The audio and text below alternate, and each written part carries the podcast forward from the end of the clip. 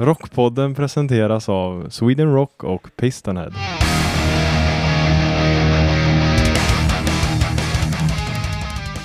Då var det torsdag igen. Äntligen, säger jag i alla fall. Idag ska vi träffa en herre som jag haft ögonen på i många år. Vet inte riktigt varför inte det här avsnittet har blivit av förut. Men eh, strunt samma, för idag sker det ju. Per Stålberg, en av de mest gedigna musiker vi har i svenska punk och indie och hardcore-scenen kanske. Han har varit med länge, han har varit med i mycket och han är fortfarande minst sagt aktiv. Förutom att spela själv så är han ju en av de drivande personerna bakom Welfare Sounds and Records. Den minnesgode lyssnaren kommer ihåg att vi träffade Kalle Lilja strax innan jul. Han är ju också där. Vi kommer prata om honom. Men mest kommer vi prata om Per och allt vad han har för sig och har haft för sig. Ett grymt trevligt samtal tycker jag att det blev. Så nu flyttar vi över till studion. Du lyssnar på Rockpodden. Per Stålberg är veckans gäst. Jag heter Henke Branneryd och jag önskar dig en god lyssning. Per Stålberg, varmt välkommen till Rockpodden. Åh, man tackar. Kul för mig att få komma tillbaka till Welfare. Welfare Sounds. Här var jag ju strax innan jul. Ja, just Vi det. intervjuade din kollega. Kalle Lilja. Jajamän. En fantastisk människa. Verkligen. Han var väldigt uppskattad märkte jag när jag släppte avsnittet. Ja, jag kan tänka mig. Fick mycket kärlek. Ja. Jo, Ja. men han, han, är, han, är ju, han är ju en karaktär. Liksom. Ja, det är väl du också? Ja. det vet jag inte, men på något sätt så är man väl det kanske. Ja, jag, jag tycker du är en karaktär. Ja, Ja, tack. I positiv bemärkelse. Ja, men det är väl bara positivt att vara en karaktär nästan, tycker jag. Ja, det är det nog. Eller ha dålig karaktär kanske Mm. inte är så bra i och men- Hur är läget med dig då? Bra, trött, jobbat hela dagen, men eh, var ute och spelade hela helgen. Och höll på lite med grann. Grand Kadaver? Precis, jag hoppade in som stand-in med death metal-bandet Grand Kadaver på någon festival i Stockholm i lördags. Sen så gjorde vi, i söndag spelade vi vår första spelning med vårt nya projekt som heter Child. Som jag och en från Grand Kadaver har ihop då. Eh, Alex, Alex Stjernfeldt, ja. Mr Novarupta. Ja, han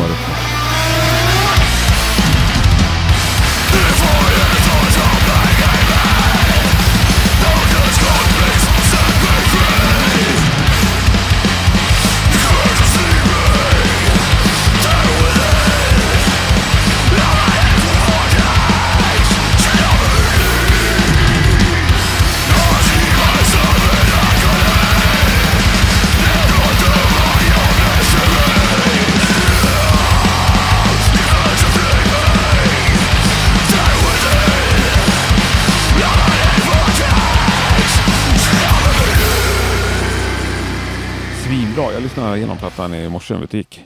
Eh, vilken av? Child. Ja, du gjorde det? Ja. Ja, ja, det är Eh, vad ska man säga liksom? Det är ju det är som en smäll i ansiktet, eller Ja. käftsmäll på något Men säger ni att det är grind eller säger ni att det är Nej, det gör väl nog inte riktigt, men det, det finns ju absolut grindpartier. Men alltså, för mig är det så här. Jag är bara otroligt glad att få vara med i det här. Men jag är uppväxt med det som man på den tiden kanske kallar för extrem musik. Liksom i alla slutet på 80-talet kom in på ja, det blev bara värre och värre hårdrock och eh, det blev hardcore och det blev väl liksom ja, death metal, det blev grind och Ja. trash metal först självklart. Då. Sen någonstans i början av 90-talet så började jag liksom vandra iväg åt lite andra håll, även om jag behöll, alltså jag har ju inte slutat gilla de här grejerna. Men det har väl inte varit så mycket så extrema band. Eh, Jag hade väl något projekt för typ 15 år sedan som var ganska liksom extremt också. Men nu är jag börjat närma mig 50 och få komma tillbaka och spela så här hård musik och framförallt få vara med liksom. Jag har ju proddat den men jag har också skrivit några låtar och så. Ja. Trummisen är ju född samma år som jag slutade spela grindcore. Liksom. ja, det är så pass. Ja. Men det är bra, man kan behöva en ung och flink trummis i grind. Ja. Ja. Jo, jo. Det, det är väl nästan eh, nödvändigt på något sätt. Liksom. Skit, vart, vart var första giget? Eh, det var på eh, en punkklubb här i, i, i, i Fiskhamnen i Göteborg. Gick det bra? Otroligt bra. Fan vad kul. Svinkul. Ska ni lira mycket nu framöver? Eh, faktiskt inget mer bokat, men det har ju börjat rycka i oss lite grann. eh, Sådär. Men vi får ta sen. Vi har ju alla av oss har ju andra projekt Mm. som tar ganska mycket tid. Så det, man får på något sätt hitta rätt tillfälle. Sådär. Mm. Sen är jag fast i den här studion vi sitter i nu väldigt mycket liksom och producerar Ja. andras album. Liksom, det är det jag gör. Men hur lång framförhållning har ni i studion? Liksom? Hur vet du att du... ungefär. Nej, vi är nöjda om det är ungefär tre och en halv månad framåt, där man vet sådär. Men vi har bokat grejer redan i höst, lite grann sådär, Mm. men det är inte fullbokat i höst liksom. Nej. Och Child, den släpps på... Eat Heavy Records. Ja, den jävla andra podden som jag inte vill ta mitt namn. Ja. Nej, jag skojar. Det är ju, de, De är bara, kära pojkarna i Ja. metalpodden. de är grymma. Ja, Jag träffade dem för första gången live nu i söndags. okej. Har väl kanske sprungit på någon av dem back in the day. Sådär. De är Mm. ganska mycket yngre än mig, men otroligt trevliga grabbar. Mycket. Öl gillar de att dricka. Ja, jajamensan. Roligt initiativ av dem att starta skivbolag. Ni är Ja. väl första släppet? Jag tror att de har gjort någon samlingsgrej eller något Ja, innan. samlingsgrej. Men, jag- ni är som första jag- bandet jag de tror har det. signat. Ja. Sådär. Ja. det är svingrymt. Kanske enda än så länge. Jag vet faktiskt inte. Nej, ja, det är bra. Då får ni mycket uppmärksamhet av dem i alla fall. Ja, jo. Nej, men det känns som det rullar på lite grann. Men, sen, Men det, vad, vad har ni för ambition med Child? alltså, egentligen eh, så har vi väl i- liksom inte diskuterat det speciellt mycket. Det, det är ju mer alltså, att få vara, hänga i gäng och eh, spela så. Alltså, både, det är ju fysiskt jobbigt att spela det Mm. på många sätt också. Liksom. Och det, man får, eh, det händer något i hjärnan. Liksom. Det, är, det, är en, det är en god känsla att få skriva och eh, presentera er så extremt. Liksom. Mm. Det är väl mitt mål med det här. Att liksom eh, göra Ja. en, något nytt nu som blir ännu fetare bara. Och tokigare. och Jobbigare att lyssna på. Ja, fan vad kul. Men vi måste gå igenom dina andra projekt. Ja, det finns ju en del. En del. Division of Laura Lee, är det ditt... Ja, det är väl det bandet som eh, kanske, om jag nu är känd för något band så är det väl det. Mm. Och det är väl det bandet som kanske har gått bäst genom tiderna, men vi har också funnits Jag har funnits by sjukt- far längst. Ja. Jag recenserade en jag vet, jag platta, det måste varit första eller andra skivan. Liksom. När jag var typ 18 tror jag. ja, Jobbade på Gefle Dagblad. Ja, men vi, vi börjar närma oss 30 år som band. Eh, Med, eller är det 25 bara kanske? 26 år har vi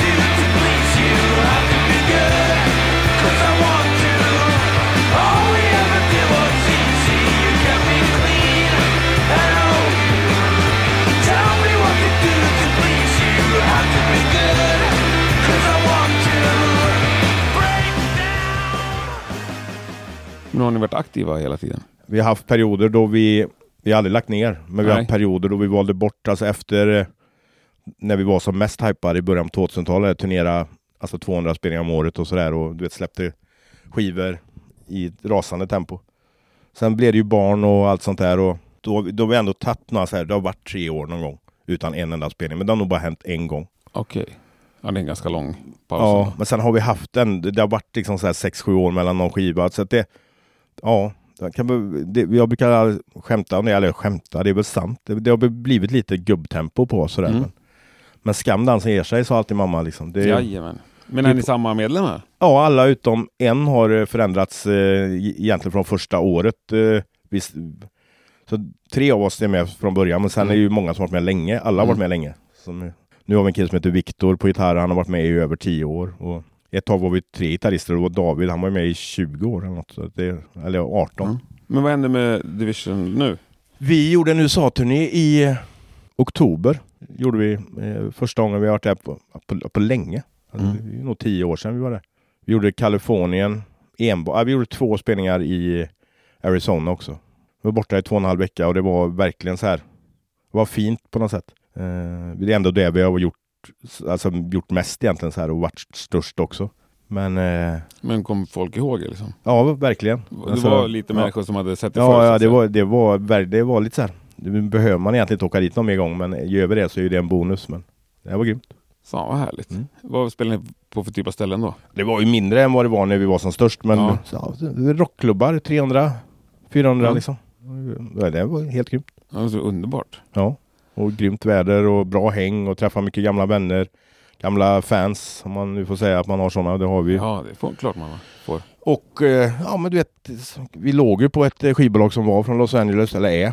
som heter Epitaph var ju våra skivbolag liksom. Så Mm. att de gamla som jobbade där var på, du vet, kom och hängde. Och, det var otroligt trevligt. Trevlig turné. Den, nog den trevligaste turnén jag gjort. Långt från den bästa kanske, men trevligaste. Trevligaste. Mm. Ja, det kanske också har med gubbtempo att göra? eller? Ja, men det var ju så här. Vi bodde på fina hotell och gick ut åt frukost. eh, Billigast frukost jag köpte igår inte hitta billig frukost du sa. Jag tror billigaste var typ 230 spänn.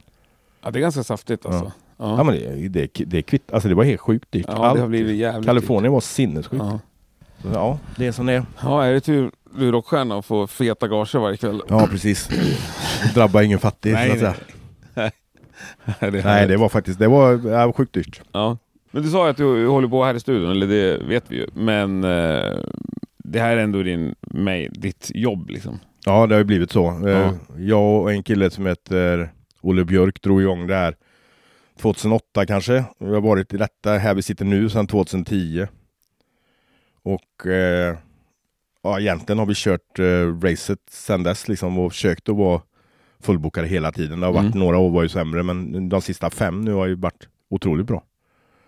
Eh, Olle är fortfarande delägare och är självklart här och jobbar ibland men han är mest på ett annat ställe nu för tiden. Och eh, då enter Kalle Lilja helt enkelt. Ja. Så Kalle har ju varit med mig som min sidekick i, ja, det är nog fyra år nu. Vad är roligast med att spela in andra band?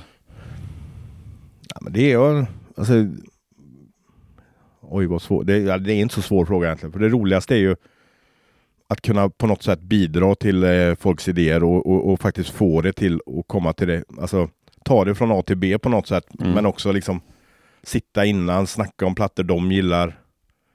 Och försöka få det upp till den nivån liksom. Mm. Och också liksom allting med tidsbudgetering, pengar. Alltså kunna göra det så enkelt och så liksom så smidigt som möjligt för artister. Framförallt idag då när det är mycket mindre, alltså det är ju inte många som får stora förskott att spela in plattor längre liksom. Nej. Hårdrocksvärlden lite bättre, men övriga världen ganska dålig liksom. Så det, det Är det ännu sämre? ja, ja, om du tittar på indievärlden och Ja. punk och sånt, det är, det är jättedåligt. Du säger att det nästan inte existerar, utan det, det gör det ju självklart att vissa skivbolag lägger in pengar, men det är ändå så här, man, många band utgår ifrån att om man betalar inspelning själva så är det någon som pressar det åt en. Ja. Det, är, ju- det är väl inte standard, men Nej. Men vilken är den vanligaste input du kommer med till ett band? nej, men jag, jag vet inte. Vanligaste inputen, nej men det är väl mer så här om, om man hör att, Men har du liksom något slags ID tänker du? ja, det tror jag verkligen jag har, Ja. det är otroligt svårt och jag tror alla har som håller på med sånt här. Men jag tror liksom att input, om, man, om man släpper input lite grann, alltså att, att alla ska känna sig otroligt välkomna när de kommer. Det ska vara otroligt smidigt. Jag och Kalle ska vara förberedda, veta vad de ska ha för grejer, gärna sätta upp innan. Så de ska få en upplevelse som ändå är så här, shit vad det rullar på liksom.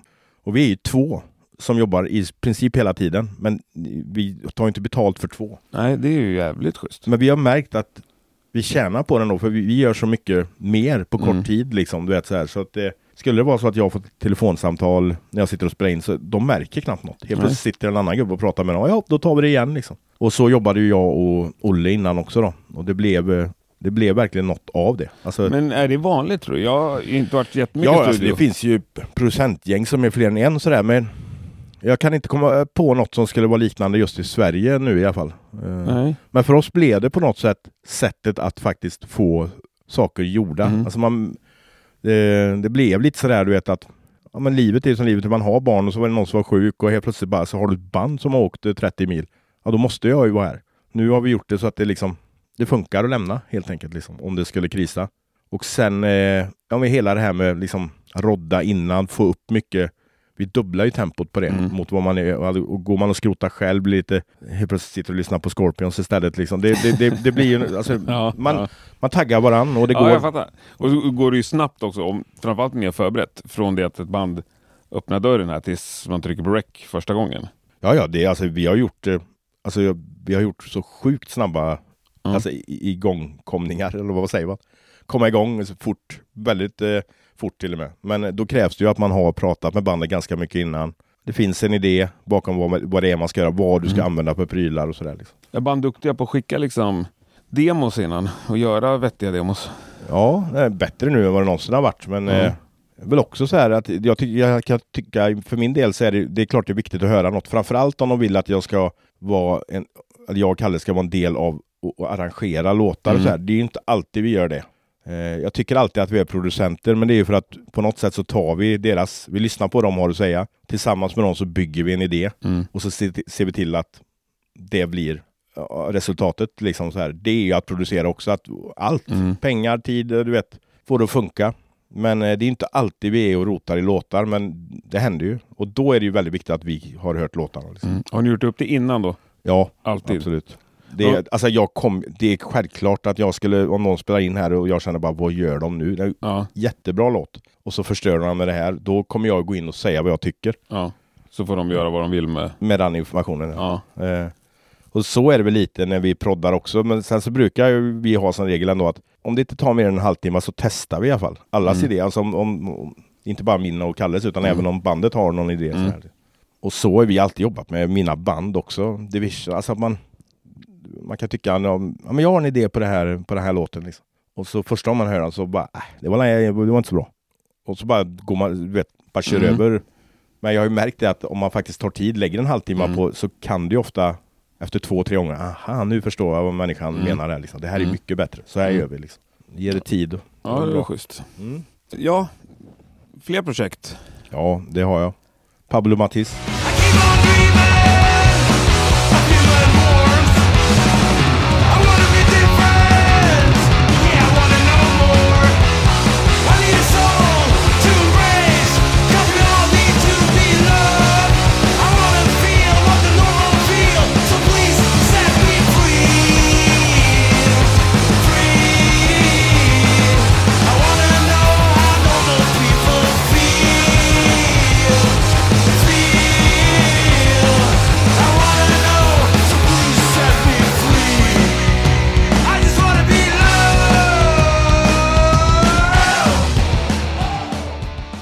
Punk hardcore. Med väldigt mycket melodi. Skitbra den senaste tyckte jag. Ja, ja, bra band och otroligt kul. Det har varit jättekul att spela. Fartfyllt, där sjunger jag bara. Så det är väldigt mycket mer hardcore-baserat. Även om det kanske inte är full Du on sjunger hardcore. bara där? Ja, Ja. eh, jag har skrivit eh, rätt mycket av låtarna så Ja, här, men, men nej, ja, det är Ian Persson från Soundtrack of Our Lives och Union Carbide Mm. Productions som spelar gitarr.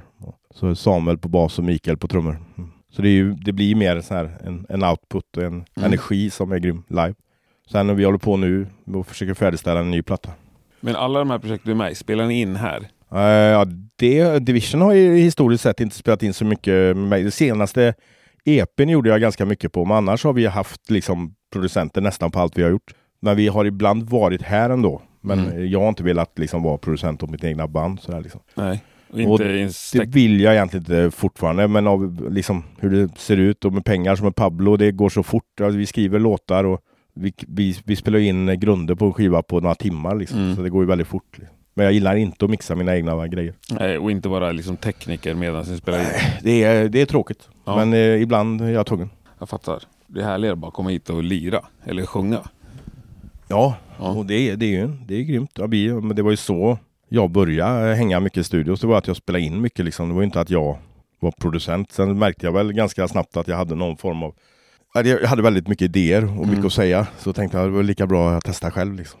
Men då var det med andra artister jag gjorde. Jag tänkte, Mm. men, ska vi verkligen gå till dig? Du har inte gjort någon inspelning. Nej. Ja, men jag lovar er att det blir bättre än om ni går till den studion. Liksom. Ja, det är skönt. Lite så var det. Ja, jag tycker själv att jag har jävligt bra musiksmak. Ja. Ja, ja no, så är det ju. Eh, Men hur, hur hamnar du här liksom? Som en mogen man som äger en studio. Var ledde det in på musiken på allvar? Ja, det, alltså, det har väl alltid funnits omkring mig. Jag är uppväxt i en familj med väldigt många syskon och farsan spelar gitarr, mamma sjöng en hel del och sådär. Men tänkte inte så mycket på det när jag var liten. Eh, gillar jag allt. Kommer att jag gillar Elvis väldigt mycket. Så här, Mm. Nu snackar vi 70-tal, liksom. Beatles. Men i början på 80-talet så blev jag presenterad för eh, hårdrock, heavy metal. Och då är egentligen, var hemma hos, hos eh, Rickard och Henrik, två grannar. Då, och eh, satt där och lyssnade på Kiss Alive och massa andra er. Och jag upprepar hela tiden, nej men jag är inte hårdrockare så här, utan Nej. jag, jag gillar Elvis. Så jag frågade Rickard och Henriks mamma frågade mig, nej men är du också sån här hårdrockare Per? Så här, nej, nej, nej det är jag inte. Så gick jag hem, jag bodde på riktigt 50 meter därifrån. När jag kom hem så var jag hårdrockare. Ja. Och som det känns, bestämde mig för att det är här jag ska göra resten av mitt liv. Och då jag var du hur gammal? Sju. Så att, och sen dess, eh, jag var ju en otrolig ung med ofta lite, några år äldre var de andra ofta. Så det var ju, Ja, det var speciellt. Och, och, alltså jag, jag blir manisk med en gång. Det, det är så jag fungerar med, ofta med sånt där. Men när började du lira? Ungefär samtidigt, men eh, tog det väl lite mer allvarligt runt 10. Jag, var jag spelade trummor väldigt tidigt, men eh, runt 10 började jag väl spela med lite äldre killar och sådär liksom. Mest som trummis. Och sen så utvecklades det och så blev det liksom mer fokus på gitarr och sådär. Och, och låtskriveri i slutet på 80-talet då. Alltså jag var ju fortfarande barn så jag kan inte Ja. påstå att det var bra band med en gång. Nej. Men jag var ändå med i band och det byttes ju varannan minut. Det helt Ja. skulle Men vilket låta var ditt första liksom, seriösa band? seriösa. Ja, men, jag var med i något eh, så här hårdrocksband i slutet på 80-talet som inte var speciellt bra om jag minns rätt. Men eh, det, vi var ändå väldigt seriösa. Vi var unga men det var liksom, vi var duktiga för våran ålder. Vad hette det? Purple Haze hette vi. Eh, sen vid sidan om det så hade jag något band som hette jag tror vi ville heta Palmes mördare men mamma bad mig byta namnet för det var inte okej. Det var för nära liksom. Eh, så då bytte vi till Överdos eh, istället. Då tror jag var 12, Det 11, låter som eller 12. punk. Ja, det var punker ja. Ja. Där fanns det alltid, du vet, i slutet på 80-talet, då spelade vi hardcore punkband och liksom var väl inte så jävla bra då, men vi var ändå där och eh, även då alltså metal-grejer, men det kanske är, ja, det är väl slu, väldigt slutet på 80-talet då som jag började spela i, i death metal-grejer, band Mm. och sådär. Kommer du ihåg ditt första betalda gig? Nej, men det kan ju, det måste varit sent ändå alltså. Eh, Man fick väl kanske betalt, eh, vi åkte på de här hardcore punkturnéerna liksom på 90-talet med Straight Edge Maffian sådär. Eh, Refused, Abinanda och vi, Ultimate Concern hette väl ett av banden jag var med. Och sen var jag med på band som heter Outstand som turnerade ganska mycket. Så då fick vi ändå betalt, men det var inte mycket. Då spelade vi ju, det pratade vi om sist va, Gävle där, eh, vad hette det? Ja, Vad hette det? Eh, Café Q. Café Q. Ja. Så då var det ju en turné ändå. Så här, det är ju, då tror jag ju att vi fick betalt, men det var inte så att man åkte hem med några pengar. Men Nej. det gick ändå att turnera. Det Liksom. var lite mer soppapengar. Och... Ja, det var ändå betalt på något sätt. Ja. Liksom. Så någonstans början av 90-talet skulle jag tro att jag fick betalt första gången för att spela. Mm. Eh, hotellrum vet jag dröjde väldigt länge. Eh, början på 2000-talet tror jag jag bodde på hotell första gången med band. Och då hade jag ändå gjort rätt mycket turnéer. Så det var mycket bo på golv och tyska ockuperade hus och så. Ja, Ja. Ja, det är en viss eh, nivå alltså när det blir hotell. ja. Mm. Det var ju helt sjukt. Men hur mycket vill du spela nu för tiden? Ja, men jag vet inte. Det, är- alltså, när jag väl spelar så vill jag egentligen inte göra något annat. Men det är väl mycket annat som har liksom, för det första här, jag älskar verkligen att driva den här studion och liksom eh, hänga här och då blir det ju, jag har stora barn så jag kan ju egentligen eller, eh, turnera liksom, Mm. tatuera mig. tänkte jag säga. Eh, Men eh, ja, det, så det skulle ju funka. Men, men det är ju, det ska funka ekonomiskt också liksom. Och, Mm. om du startar ett nytt grindcore-band så kan du nog inte räkna med att liksom få några Nej, men Grand Kadaver, nu är inte du medlem där. Nej, Men men, de absolut. Men de att har väl kanske ett problem då att, att alla av dem är med i också i tusen andra er så att, Ja. och med lite mer, alltså det, det byggs mer på andra håll och kanter liksom. Men så har det väl alltid varit liksom. Men eh, jag, jag är ingen resare av, av sådär, liksom aldrig varit. Däremot har jag ju turnerat otroligt, alltså jag har ju gjort många spelningar. Och jag gillar det. Och jag gillar det oftast mer när jag kommer hem. Jag tycker allt väntande och liksom resande emellan tar väldigt mycket Mm. så här, av ja, men tid som jag skulle kunna ha gjort något som var mycket mer produktivt och liksom intressant. Och det blir ju värre desto äldre du blir tycker jag. Mm. Men själva gå upp på scenen, det här känna i magen och gå upp, du vet så här, det är ju det är ju det bästa som finns. Jag vet inte vad det är. Det är ju någon konstig sida som... Men hur förklarar du det för folk som aldrig har stått på scen? Om du måste försöka? Ja, men många ser ju det tvärtom. De, många är ju rädda. Alltså, de, skulle, de skulle aldrig ställa sig på en scen. Nej. Och jag tror att det är en ganska mänsklig tanke, för jag för mig att jag kände ungefär liknande. Men sen när jag visste att vi är rätt bra, smaken är som baken, där kan man aldrig göra något åt, men vi är duktiga på det vi gör.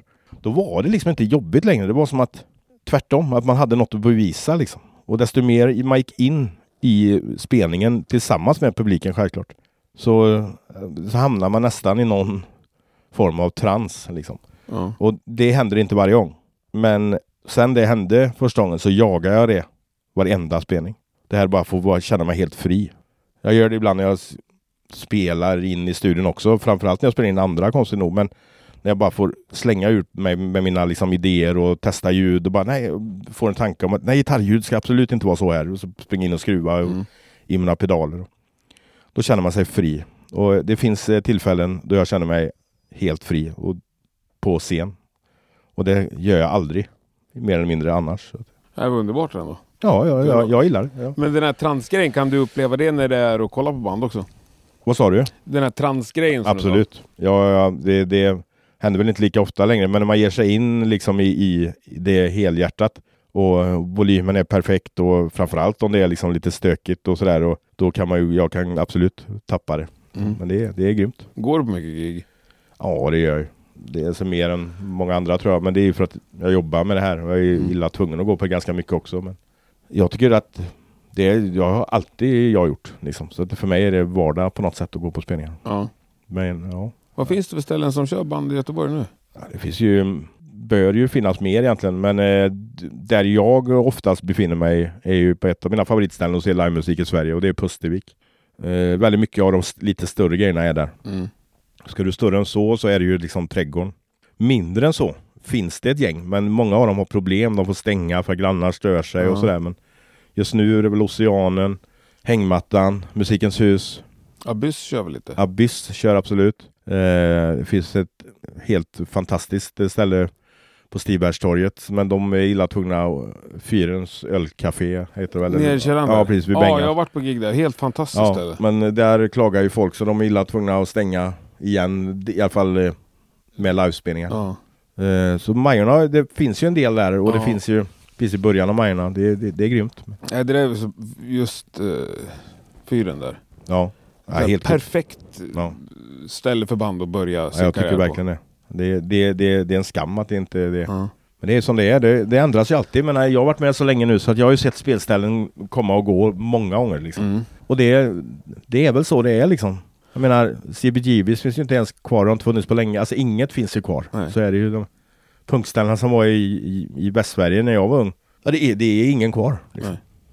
Musikens hus är kvar. Det är väl det enda jag kan komma på som har funnits jättelänge. Ja.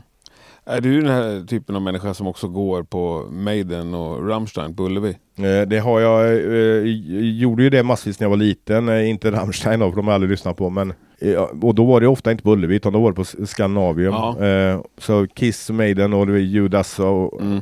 allt, all hårdrock i princip. När jag var riktigt, alltså jag åkte dit med, ja du vet, kompisars föräldrar och, eller syskon eller du vet så. Mm.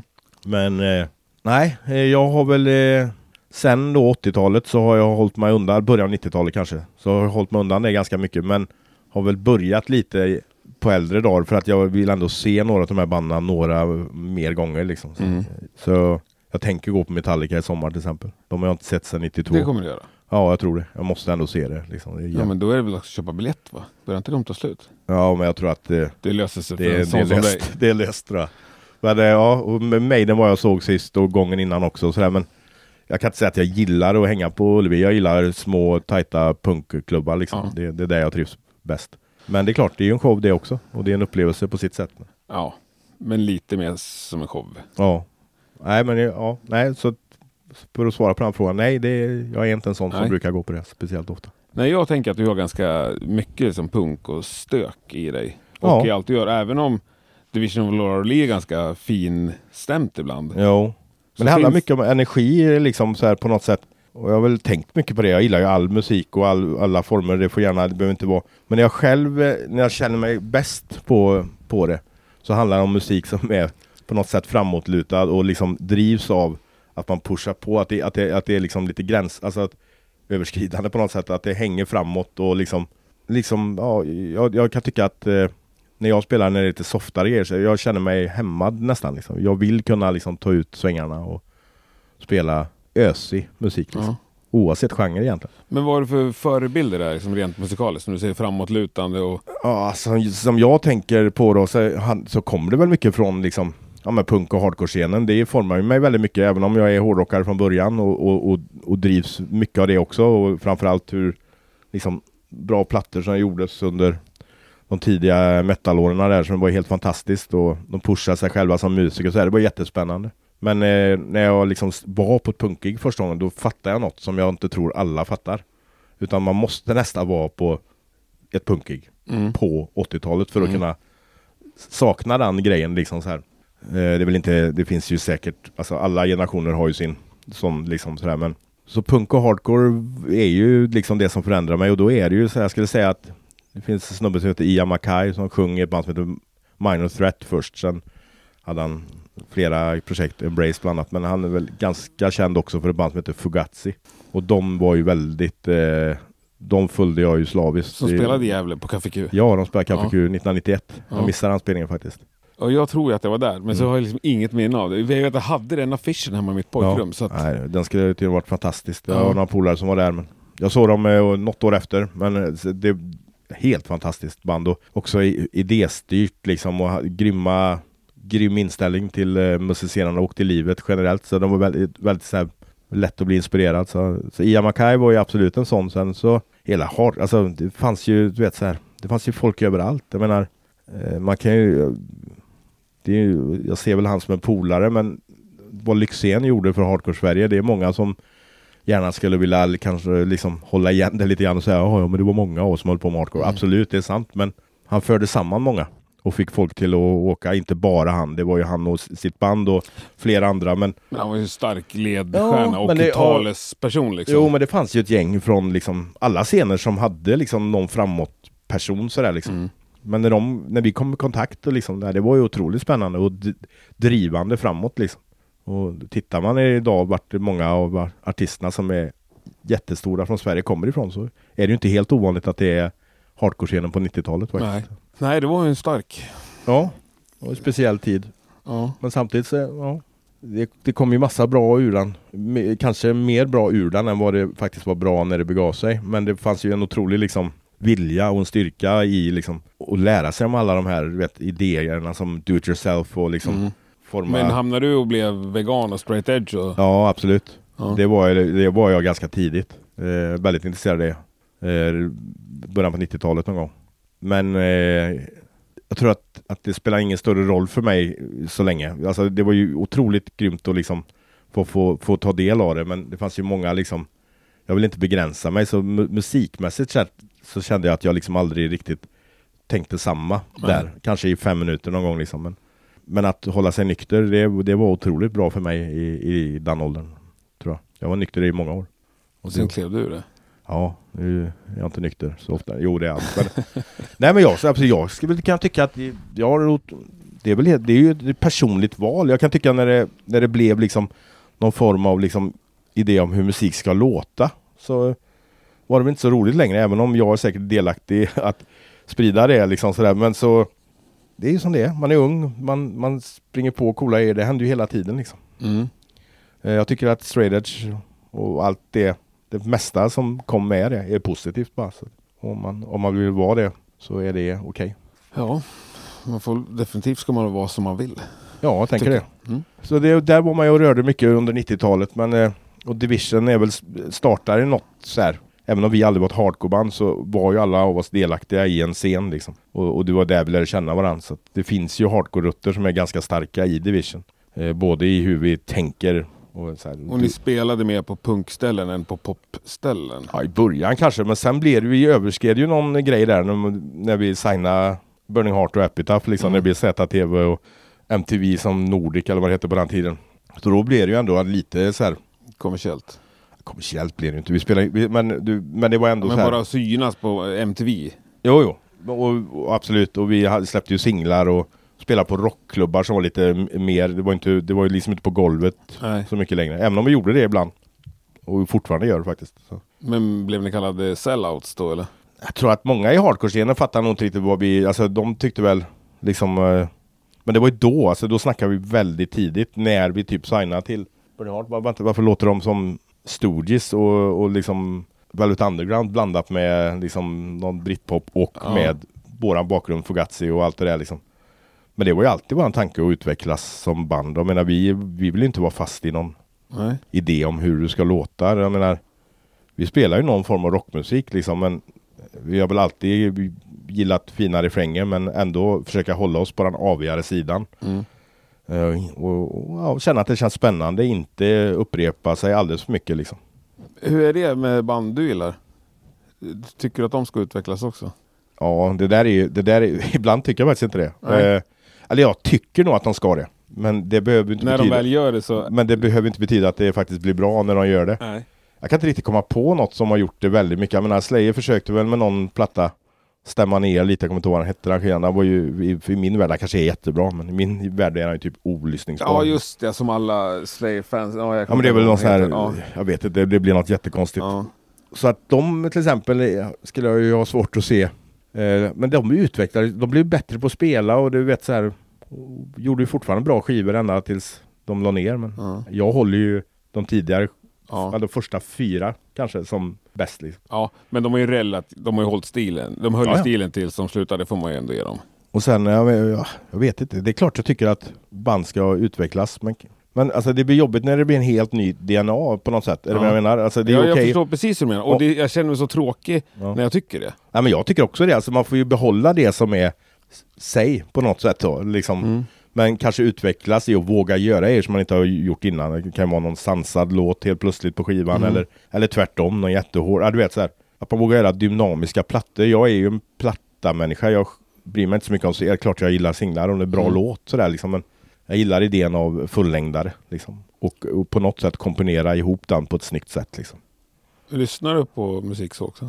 Ja, om jag lyssnar på, alltså jag lyssnar ju väldigt mycket på musik genom att bara kolla vad det är också på Spotify Ja. eller vad det nu kan vara liksom. Men eh, hemma så är det ju, då är det ju vinyl och då är det ju sida A och sida B liksom. Mm. Oftast, ibland mer sidor. Men, Mm. eh, och ja, och Men då är pallar det, du att lyssna på musik av ren njutning? ja, det gör jag. Fast eh, kanske mindre än, eh, jag har perioder då jag gör det mindre. Men jag är ju, nej det är ett, jag undrar nästan hur jag orkar ibland. Men, men kanske inte lika mycket som när jag var ung. Alltså, och jag är inte lika orolig längre. Jag behöver inte veta vilket, vilka alla band är Nej. eh, som kommer från någon ny skiva, en singel som har släppts i 300x. Det var ju otroligt viktigt för mig den här Ja. Bajenödigheten som fanns i liksom nästan elitismen som fanns i punk och liksom framförallt i, ja men även i i metal, extremmetal och så här. Det skulle, man skulle veta allt som var nytt och fräscht hela tiden. Det där Ja. finns ju liksom inte riktigt kvar liksom. Så att, då var det väl mer att man lyssnade igenom bara för egentligen, vad är det här? Mm. vet. Jag skulle och det gör jag väl fortfarande då, men då är det ju snabbt scrolla igenom på, på någon, någon sida och bara, ja ah, det är det här. Mm. Antingen då köper man plattan och då lyssnar jag på den hemma. Andra gånger jag lyssnar på musik, det är när jag åker någonstans själv. Om jag kör till, hem till morsan och så här, då kan Ja. jag lyssna på album. Liksom. Men då är, det ju, då är jag så tråkigt så det är ofta Rain in Blood. Liksom. Eh, den har jag hört väldigt många gånger, kan jag säga. Ja, det är- en bra skiva. Ja, väldigt bra. Men kan du uppleva så här, det här kan jag uppleva alla fall, att man står framför skivsamlingen eller liksom oftast med Spotify Mm. och så känner jag så här, jag har ingen aning vad jag, ska, lys- vad jag vill lyssna på. Nej, jag är väldigt Det är helt blankt liksom. Ja, jag tycker det är skitjobbigt. Eh, och det är ju därför man Då går jag ju tillbaka till de här skivorna jag har hört en miljon gånger Ja. och det är ju en ganska tråkig inställning egentligen men Det blir ju lätt så liksom. Men sen jag blir överrumplad, eller vad heter det? Över, Ja, överraskad. överraskad. Flera gånger per, ja men typ per år av ny musiken Mm. då liksom. Och så länge man har lite, det kommer ju aldrig bli som det var när man var ung och du vet, det förändrar livet på dig. Nej. Jag tror det blir svårt på en snart 50-årig gubbe liksom men jag, jag, jag hittar ändå nya grejer varje Mm. år och det, bara det är ju grymt liksom. Ja, ja, och sen så träffar ju du nya band varje vecka Precis. liksom. Och träffa människorna som är i band, de, det gör ju det ofta bättre också. Om, om det är bra människor så bra musik, det är ju bara en liksom Ja, det- men ja. bandet blir ju definitivt mycket bättre. Jo, ja, men jag, det, det gör jag ju. Jag träffar, plus att jag är ute och scoutar lite grann. Vi letar ju ständigt med nya coola grejer till Welfare Sounds and Records. Ja, ni har ju ett skivbolag också. Ja, skivbolaget. Så att det, det gör man ju absolut. Vad var nu sist, senaste signingen där? Ja, vad kan det ha varit? Det är nog ett band som heter Fuse. Uh, Fuse. eh, heter de. Eh, bor i, i Skåne, men jag tror att de är lite överallt ifrån. Alltså F-U-S-E. Nej, F-E-W-S. Det, det är nog det senaste tror jag. Men det är rätt mycket på gång där. Jag är inte alltid superinblandad. Men ja, vi ska gå ja, Spögelse. Ett eh, punkband från Stockholm och Göteborg. Eller Göteborg är de väl från, Mm. från början. Eh, kommer. Det är också ganska ny signing. Spögelse. Men vem är drivande i skivbolaget? Ja, vi, alltså, vi är ett gäng som eh, gör eh, skivbolag. Men det är liksom lite projektdrivet så att vissa brinner för vissa eh, Så du kan Releaser. liksom signa ett band bara för att du gillar dem, Ja. så tar du hand om det? Ja, riktigt så är det väl inte. Nej, men, men- jag får väl övertyga lite liksom så här. Men Ja. och sen då, ja, då kan, får man vara mer inblandad då. Min inblandning brukar ju vara ofta med produktion då. Ja.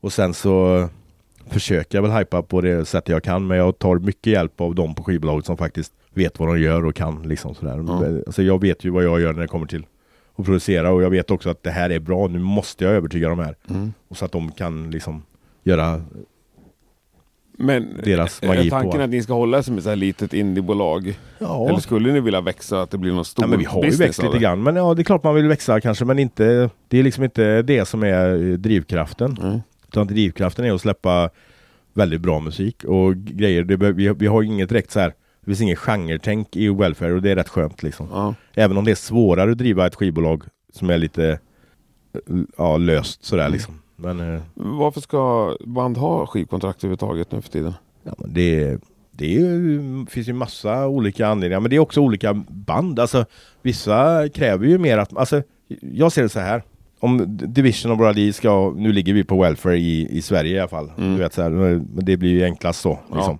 Men när man får någon med i team, liksom. alltså, jag känner ju alltid så här, som band, när man får med nästan en femte medlem, kan vara en manager, kan vara Mm. ett skivbolag. Ofta när det kommer till större skivbolag så är de det när det går bra, men inte när det inte går bra. Men att man blir ett team och man känner att någon annan tycker och peppar lika mycket som du gör på det här. Mm. Ringer dig, har, har, vi, har vi något nu? Har du gjort någon ny låt? Du vet, så. Mm. Den personen skulle vilja jag vara i, i ett skivbolag. Alltså Mm. du vet den som får jag tror he- alla av oss tänker väl så att man, man, man, man ser det som ett team liksom. Då tror jag det är jätteviktigt med skivbolag. För jag tror vissa band har inte någon person som har kraften till att nå ut. Nej. Eh, har det här som jag eh, kanske har då, det här tjöter av grejen att jag ska hälsa och köta med alla och känna folk och du vet hit och dit. Men eh, för mig är det ju naturligt. Jag älskar ju att lära känna nya människor och prata du vet och planera. Det händer ju mindre dess äldre man blir också men det var ju så allting började liksom. Och då vet jag att många andra i mina band, de var bra på andra grejer. De var bra på kanske göra sk- skivomslag. Eh, ringa runt och boka turnéer i något annat land eller Ja du vet så här. Det, Mm. Men vissa band har kanske bara en väldigt bra låtskrivare. Ja, Och men ingen... Ingen som har den här drivkraften framåt. Så. Sen är det ju också, man delar på det oftast när det är mindre skivbolag så är det, man delar ju på något sätt ekonomiskt. Eh, de får bra dealar här i studion. Vi spelar inte Mm. in allt vi släpper. Nej. Men, men mycket av det. Och man blir ändå en del av ett team. Vi har en PR PR-kille liksom och du vet, vi Mm. har Ja, vi har alla funktioner som behövs liksom så här. Och, Men tycker du att band jobbar så hårt som du önskar av dem? Ja, det, alltså, det, ja det, det, det finns absolut band som gör det. Liksom, och det, är- det är ju något eh, som är otroligt fint tycker jag. När man ser hur ett band verkligen, eller artist, går in och nu ska det hända något. Liksom. Tyvärr är det ju så att det är en ganska orättvis bransch och det är inte alltid det händer liksom. Men, men ja, det, är, är det egentligen orättvist? Tycker du det? Jag vet inte om det är orättvist, men jag kan ju tycka ibland, framförallt då när man kommer till de större skivbolagen, så här att, att det, det är så, det handlar så mycket om att, att, att, titta bort från egentligen innehåll. sådär liksom, att det är att stöpa en låt i en form. Det ska bli en singel. Det ska bli jättestort. Bon Jovi ska älska den liksom. Jag har alltid levt mitt liv, min tanke om musik har alltid varit lite tvärtom. Att det som verkligen berör mig, alltså, och det blir väl lite artsy kanske att säga det, men, men du vet, jag vill ändå ha att höra en artist som har blödigt för sin musik, att det har kämpats liksom. Och jag tycker att det kan vara bort, eh, alltså att de blir eh, liksom, det är som att folk inte, de vet att det här kommer bli jobbigt för att det är en sån stark artist eller band, du vet så här, så är det bättre när ni gör det själva liksom. Du vet, och så jobbar de med någon som är lite mer lättstyrd liksom. Och det gör ju att en hel del bra musik inte får den pushen som de borde få. Liksom. Därför är det otroligt viktigt att skivbolag som jobbar lite annorlunda än stora Mm. finns. Det är, så tänker jag liksom. Ja, det fattar jag. Men samtidigt, ja, du, det där med orättvisa. För, ur min synvinkel, som ändå får lite inblick i otroligt mycket artister och bands Ja. liv, så är det ganska uppenbart att de som jobbar hårdast är de som det går bäst för. Ja visst, och så är det ju ibland. Men Så på det sättet tycker jag att okej, det är det kanske nästan är... Jo, jag, jag förstår hur du tänker, men det är ändå det är så mycket andra hinder på vägen då, kanske, och framförallt innan det väl börjar gå bra. Men det ligger något i det du säger, och det är väl så. Att jobbar du stenhårt så bär du ofta frukt på något sätt. Liksom, det bär ju lite fruktbär Ja, ja åtminstone. och så det gör det ju. Om- Men, men det betyder ju inte att, även om du har gjort väldigt mycket för ditt band och det är helt fantastiskt Mm. och det gör grymma plattor, så är det inte säkert att ni har backup från branschen. Nej. För att eh, du vet så här, och, och där är väl då lite, jag ska inte säga att det är orättvist, det är väl som det är, jag har väl alltid varit det. Mm. Och, och det är väl mer det jag inte gillar, alltså jag gillar inte idén av liksom stora gigantiska skivbolag som styr i liksom i kvalitet av eh, låtar, allt möjligt. Nej. Liksom. De kan väl inget om det liksom. Eh, så här, och det finns väl vissa som kan självklart om, men Mm. det finns väl kanske en anledning till att Beatles är så ihågkomna och eh, som det var ju för att de fick gå bananas på egen hand och bara Ja. köra liksom. Det behövde inte, nu blev de ju stora med en gång, men det var ingen som satt och krävde att de skulle göra något. Nej, och där har In, ju, inbillar jag mig. det är ju världens bästa exempel på band som Mm. bytte stilar och gjorde allt Ja. möjligt liksom. Men sen finns det ju några sådana band genom tiden då. Jag tycker att Fugazi är ett av dem för min, men det finns ju andra genrer, eller genrer. Iron Maiden. Iron Maiden har ju kört, de har ju haft sånt bra team med sig hela vägen. Mm. Visst, de ligger på ett jättestort skivbolag och sådär, Mm. men Smallwood har varit med sedan 70-talet. Mm. Ja, du vet. så. Och det är ju helt vansinnigt. Det är liksom, de sköter sitt band på, en, på ett sätt som är, ja, det är inspirerande liksom, tycker Mm. jag. Liksom. Att de inte backar, utan Mm. de gör det på sitt sätt. Eller så gör de det inte. Liksom.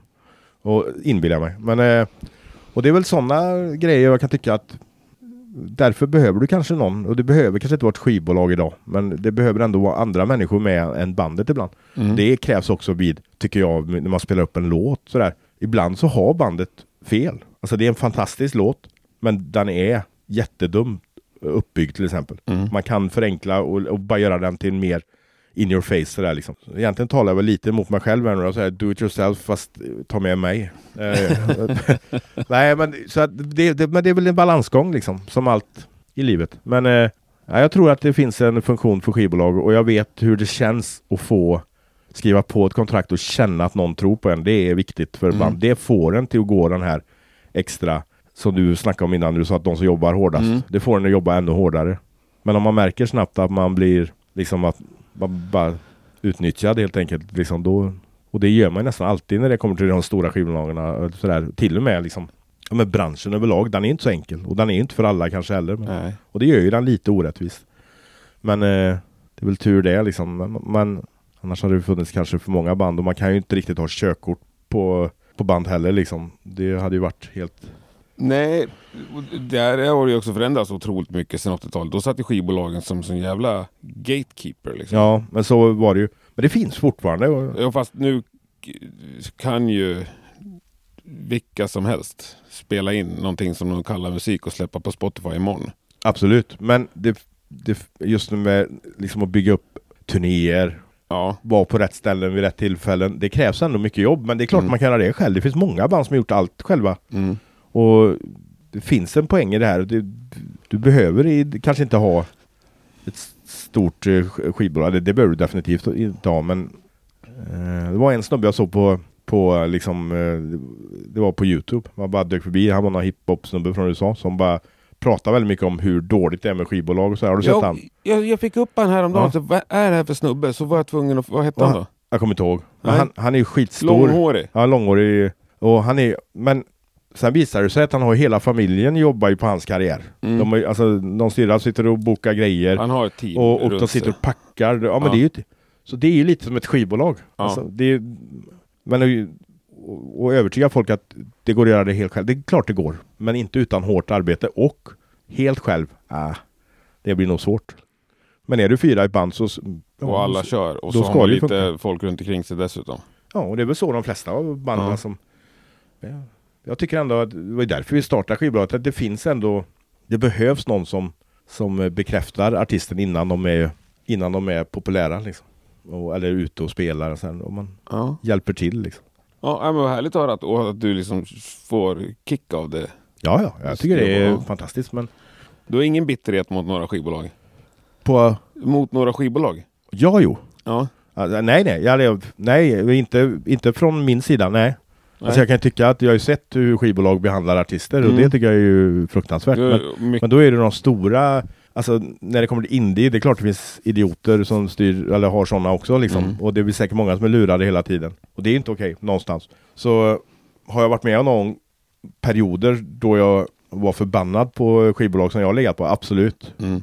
Men jag har väl med åldern kanske förstått lite vad det berodde på och det är ju att, att de måste slänga sig in i en, i en värld som kanske inte passar dem. Att det är helt plötsligt så måste du börja liksom ja, men forma musik. Ja, men vi måste ha en singel. vet. Mm. Måste vi verkligen det? Liksom, så. Men, så det där är ju, men det, det här handlar ju mest om jag har aldrig varit speciellt eh, liksom, intresserad av popmusik på det sättet som gör att, vet, att, det, att det funkar på P3 eller, eller du vet singlar, du vet så här, och stöpt ifrån ABBA. De är ju väl jätteduktiga på det de gör, men det är, liksom, det är inte det som har fått igång mig. Liksom, utan Nej.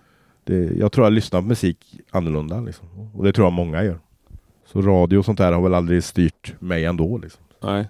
Svamlar jag tycker du? Nej, jag sitter bara och funderar på det här med singlar och grindcore liksom. Mm.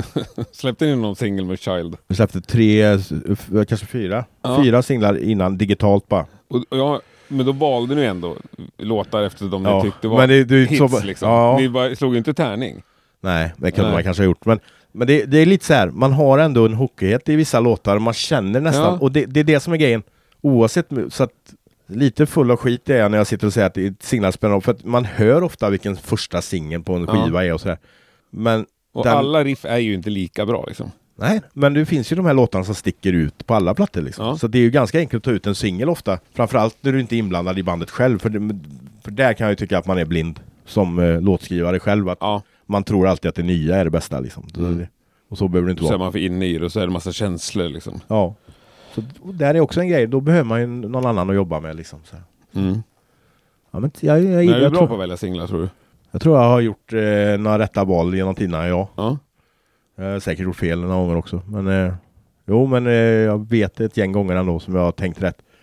Men jag tror att det är som ut, alltså framförallt när du är producent, eller är med och spelar in, det är, det är ganska enkelt att kunna ta ut eh, de tre. Det här kommer Mm. vara nyckelspåren. Liksom. Och banden brukar hålla med? Nej, det behöver de inte alltid Nej. göra, men då får man ju försöka börja med sin manipulera Mm, dem. nu kan jag det här lite bättre än er. Så Ja. ja. Ja, just det. Hur många skivor äger du? Sju? Ja, Ja. jag har flera tusen. Vad skönt. Ska du vara tyst här? Låta Makt. Pappa. Bara sån. Nej, nej, utan det handlar ju om att...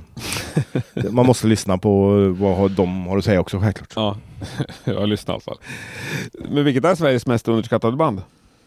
Eh, det måste ju vara, det finns flera stycken, men eh, ja, Silver Bullet eh, finns väl kanske inte längre. Men jag tror att det är minst 10 personer som har svarat det genom åren. Ja, det var länge sedan sist, men Jag förr... säga att det är bland Sveriges bästa band genom tiderna på alla sätt och de är ju, har ju, det är många som tycker det. Men om man tittar på Varför blev det inget för dem då? Jag vet inte. Jag tror att många, många viljor och de gjorde väl sina grejer. Otroligt härliga människor. Och, men de, de körde väl sitt race liksom.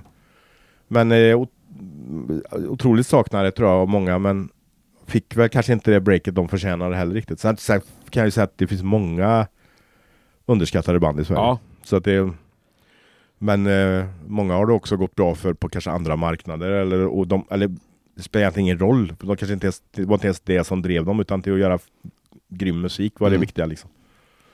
Så det finns väl, det finns ett gäng. Men Silver Bullet var det första jag tänkte på. Ja. Vem är den mest musikaliska person du någonsin har lirat med? Oj. Jag har ju haft turen att spela med väldigt många sjukt musikaliska människor och gör fortfarande. Men för att svara på den frågan då så säger jag väl eh, Thomas Sirille. Min eh, barndomskompis. Vart hör man honom? Han hör du om du... Han, han finns inte med oss längre. Men eh, han spelade i, i ett gäng hardcoreband på 90-talet och eh, senaste släppta grejerna var ett band som heter Sparks of Seven. Men bara få uppleva han som musiker och hans hjärna var fantastisk. Nej men jag vet inte, jag tycker han hade en otrolig känsla för liksom för instrument. Det var som Mm. att han aldrig... Jag lärde ju känna han när vi båda var väldigt intresserade av att åka skateboard och lyssna på extrem musik. Men vi var, vi var långt ifrån bra på att lira liksom. Men han inspirerade mig något otroligt mycket. Men han nästan visade... Han var ett år yngre. Det var som att han var medfött. Alltså han blev bra på typ fem minuter på att spela. Och jag Häftigt. blev också ganska snabbt bra. Men jag tror inte jag hade blivit det utan han. Och, så att eh, ja, han är nog den som inspirerat mig mest. Eh, framförallt hans eh, melodikänsla och liksom och hjärnan som kanske inte funkar exakt som alla andras. Och det tror jag ibland är bra att ha. Verkligen. Ja men fint. Grymt trevligt att träffa dig. Ja, gött att köta lite skit. Ja, det. Torsdagskvällar, gött. Alltid trevligt. Sköt Ja. om det och lycka till med allt i framtiden. Ja, tack för att jag fick vara med, vad grymt. hörs vi snart igen. Ha det gött. Tack! Tack. Stort tack för att du har lyssnat ända hit.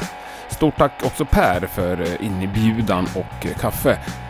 Hoppas vi hörs igen nästa torsdag för då är Rockpodden tillbaka med ett minst lika intressant avsnitt. Nu avslutar vi det här med Pers vän och inspirationskälla. Det här är Sparks of Seven, låten heter Move Me On. Ha det bäst, tack och hej.